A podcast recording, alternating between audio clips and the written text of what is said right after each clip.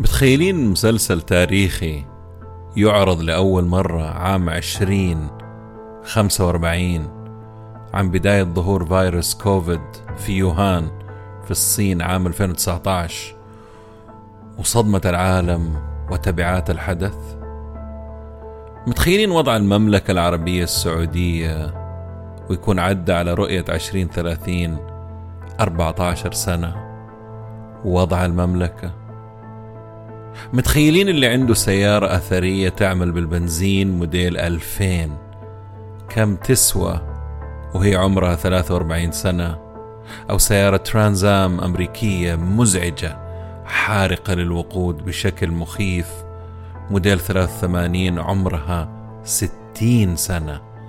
يتداولها الناس بالدس خوفا من بوليس البيئة اللي ما يرحم أحد. إعلان لثمانيني جاد يبحث عن شريكة حياة تقضي معه إجازة صيفية في البحر الأحمر وتكون زوجته لمدة عام فقط ثم ينفصلوا عن بعض ليكمل بقية الثلاثين عام القادمة.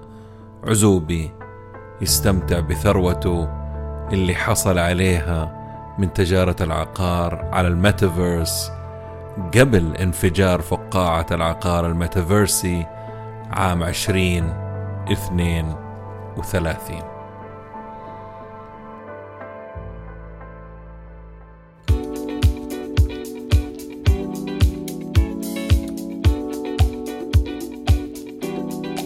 أهلا وسهلا. عالم البزنس عالم مثير كبير متغير وله جوانب مختلفة. ولأنه موضوع يهمنا وطفشنا من التنظير والتكرار والفلسفة اللي ما وراها فايدة. صرت أدور الدروس والمفاهيم والطرق الجديدة والعبر من القديمة وتأثيرها على حياتنا اليوم وبكرة. أتناول أي شيء له صلة بعالم الأعمال من قريب أو بعيد. مقابلاتي مع المفيدين بس. بودكاست عالمي متجدد بنكهة محلية. وأهم شيء أهم شيء عملي وعربي. يا هلا وسهلا بالجميع في بودكاست نتكلم بزنس مع ممدوح الردادي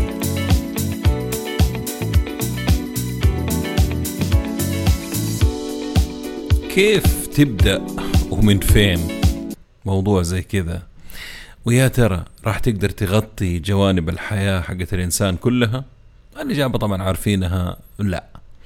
لكن ممكن نغطي أهم الجوانب اللي راح تؤثر على باقي الجوانب حتى لو مو كلها. طبعا التقنية أهمها والأمور الاجتماعية والاقتصاد القوانين السياسة التعداد السكاني آه، هموم العالم المتغيرة البيئة الصحة الترفيه. شايفين كيف؟ صدعت وأنا جالس لسه في المقدمة. ف وعلى فكرة كنت ناوي زي ما يقولوا أدش كل المواضيع مع بعضها بعدين اكتشفت إنه لا يمكن لا للمتلقي ولا لي أنا وأنا بسجل حطفش. فقسمتها على أعتقد أربع بودكاست حنغطي أشياء مرة كثير في المستقبل. قبل لا نبدأ هذا البودكاست برعاية برنامج التسارع الوظيفي The CFTP The Corporate Fast Track Program. رحلتك في وظيفتك وين ما كنت البداية الانطلاقة النمو والقيادة. مغطينها بتفاصيلها عشانك. نجاح واضح وأسرع.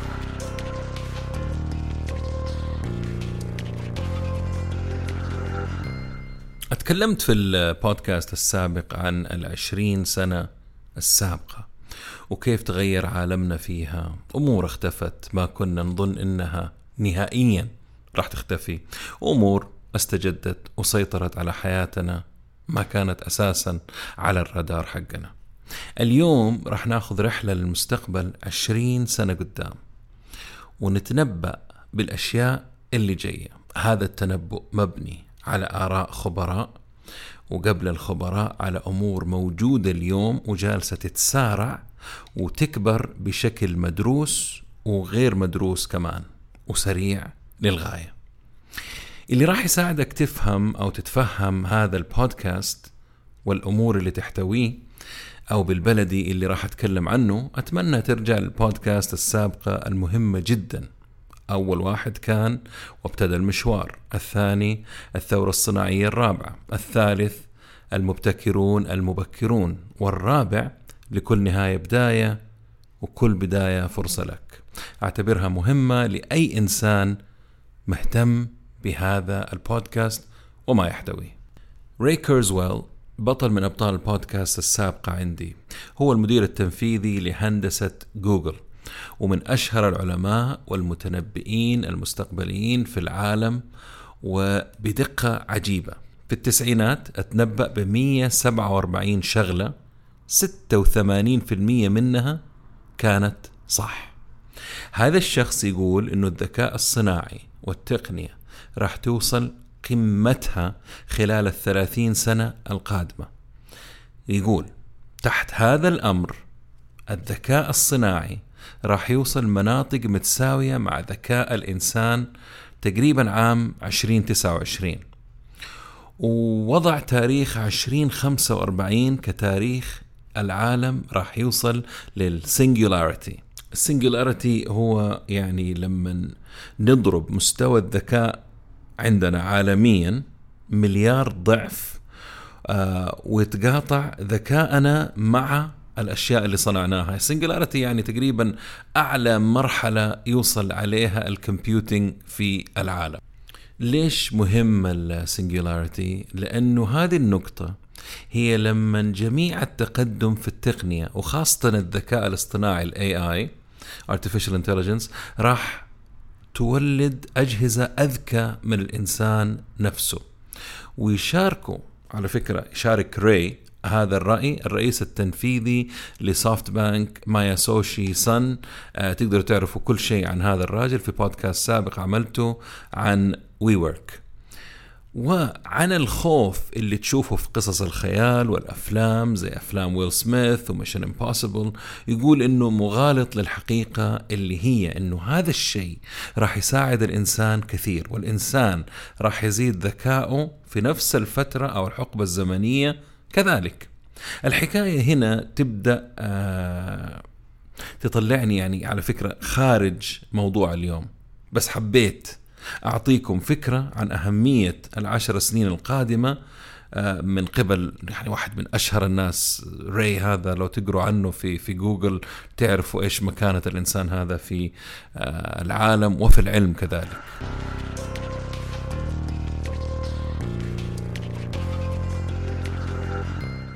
اللي سمع ال mega podcast حقت اللي تكلمت عنها الأربع السابقة راح يسمعني أتكلم كثير عن ال convergence of technology تقاطع التقنيات وكثير أذكرها كل تقنية بتسرع بطريقة غير مسبوقة بالتالي كل ما تقدمنا في السنين القادمة طبعا بعد التقاطع هذا اللي كان يحتاج عشر سنين عشان يظهر لنا في عالم التقنية أو المجتمع ما يحتاج أكثر من ثلاث سنين وبعدها سنة وهكذا.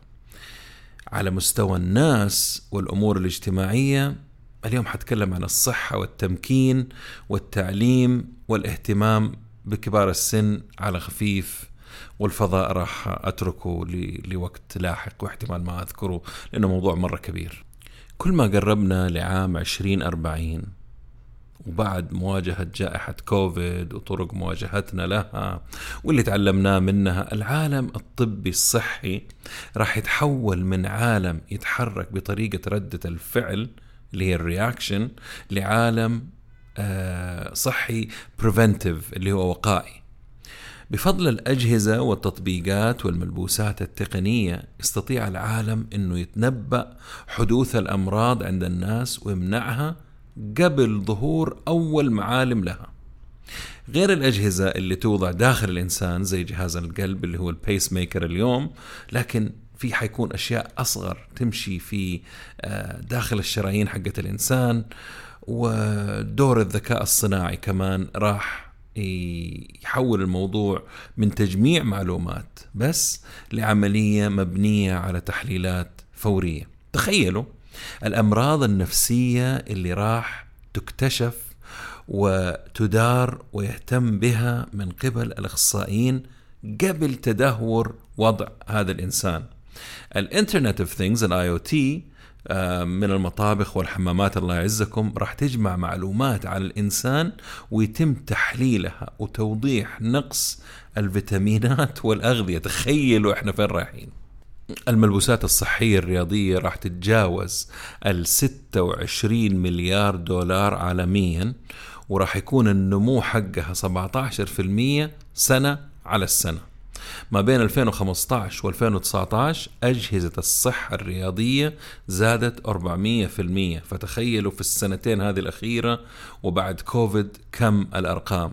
بحلول 2030 أكبر مشكلة صحية في العالم راح تكون الصحة النفسية.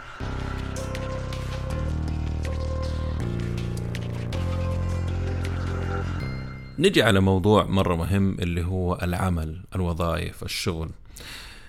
لو نظرنا لأهمية المرونة في العمل والتمكين لوجدنا أن الحرب والمحافظة على المواهب العملية راح تكون في قمتها.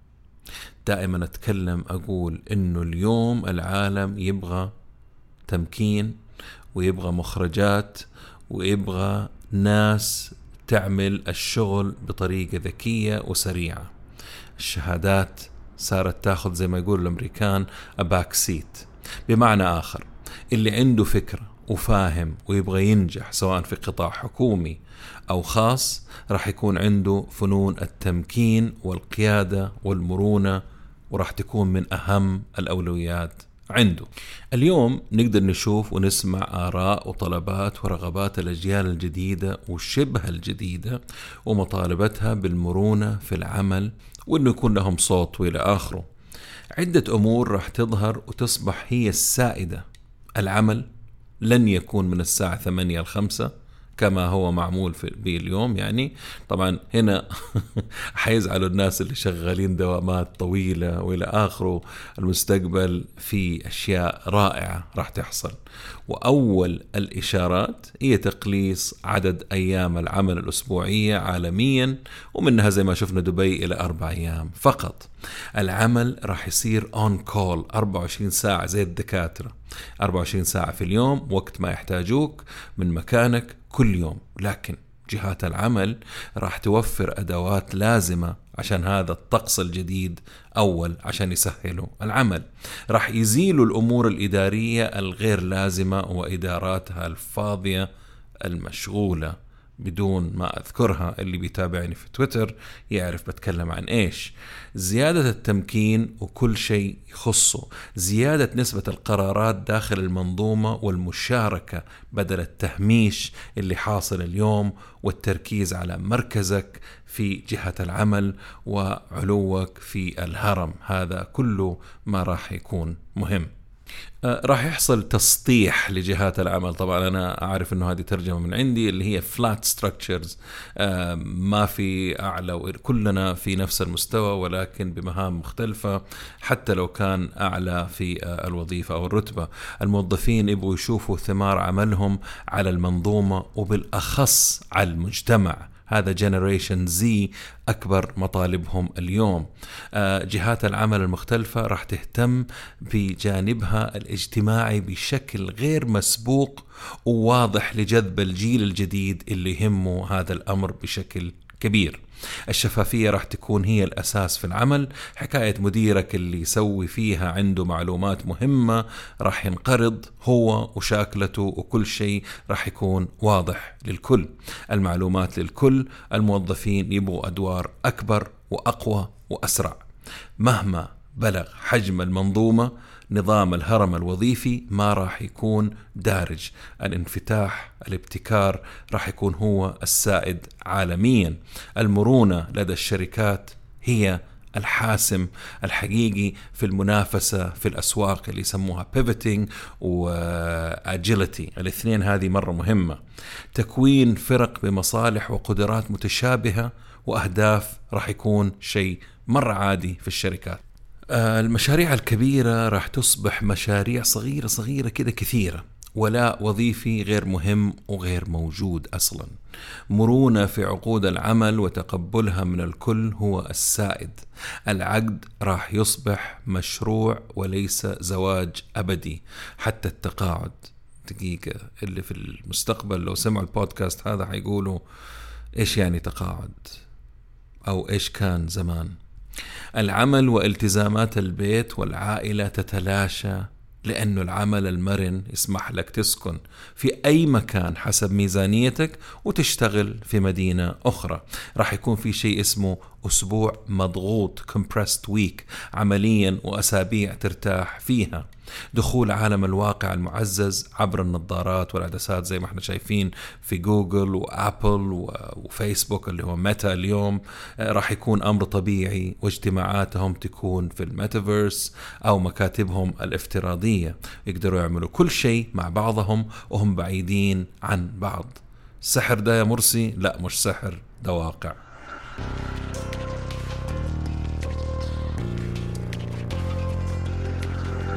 نجي على نقطة أنا توقفت عندها كثير وأنا بسوي بحثي وتكررت معايا في كذا جهة وكذا شو اسمه ده كونسلتنسي وكذا كتاب.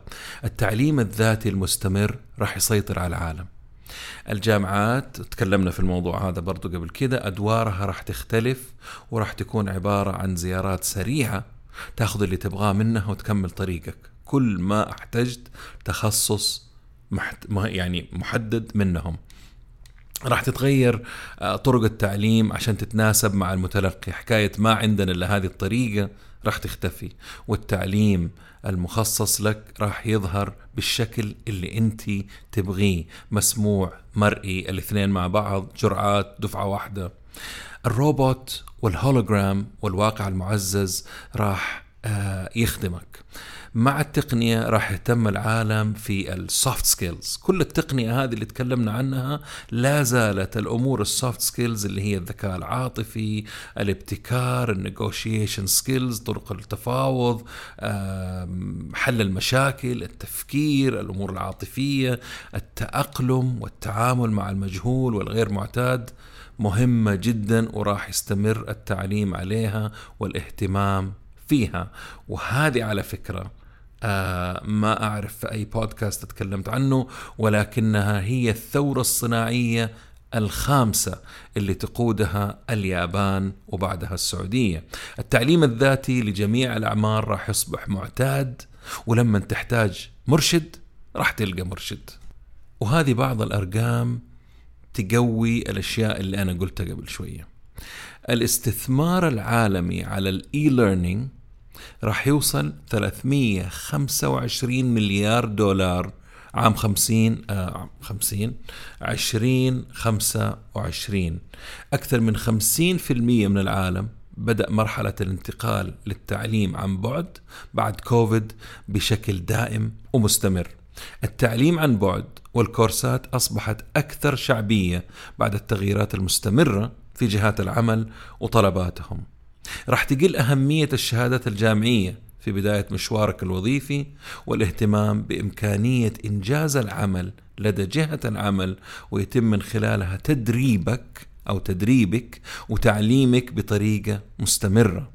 الحكومات راح تتأقلم وتوجه بوصلة اهتمامها على حسب المتغيرات والطلبات الاجتماعية من من حيث المهارات طبعا المطلوبة لكل آه، حفنة زمنية والقيم والأولويات طبعا. وطبعا المجتمع راح يهتم بكبار السن وكبار السن أيضا راح يكون لهم طلبات واهتمام. يتوقع أنه يزيد متوسط الأعمار فوق الثمانين مع التقدم في الطب والتقنية الحديثة اللي بتراقب العالم عبر جميع مراحل حياته. وبكذا يعني وصلنا لنهاية بودكاست اليوم. وراح أكمل في بودكاست مستقبلية. أمور زي التقنية والاقتصاد والأسواق وأشياء أخرى مهمة. هذا البودكاست كان برعاية برنامج التسارع الوظيفي The CFTP The Corporate Fast Track Program. قريب جدا. أول برامجه راح تكون موجودة عشان تعطيكم فكرة أكبر عنه وأهميته لكم. نجاح واضح وأسرع. شكرا لوقتكم. والسلام عليكم ورحمة الله وبركاته.